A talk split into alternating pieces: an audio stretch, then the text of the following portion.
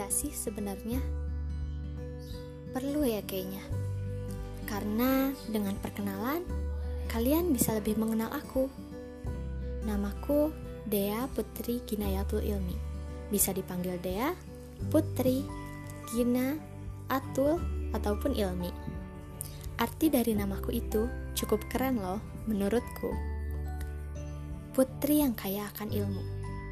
Ayah, mama, bahkan kakek berharap banyak akan namaku itu. Dan terkadang itu menjadi beban tersendiri buatku. Karena masih tahap perkenalan, jangan yang berat-berat ya. Aku adalah seorang pelajar yang baru lulus SMA. Iya, lulus jalur corona. Aku juga seorang penulis yang sampai sekarang belum ada satupun novel yang mencapai kata the end. Faktornya satu, mood. Aku nulis tuh tergantung mood banget. Jadi kalau moodnya lagi ambiar, ya udah hilang deh semua inspirasinya.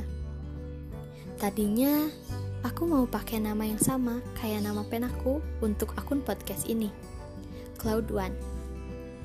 Tapi akhir-akhir ini aku lagi tergila-gila banget sama bunga matahari.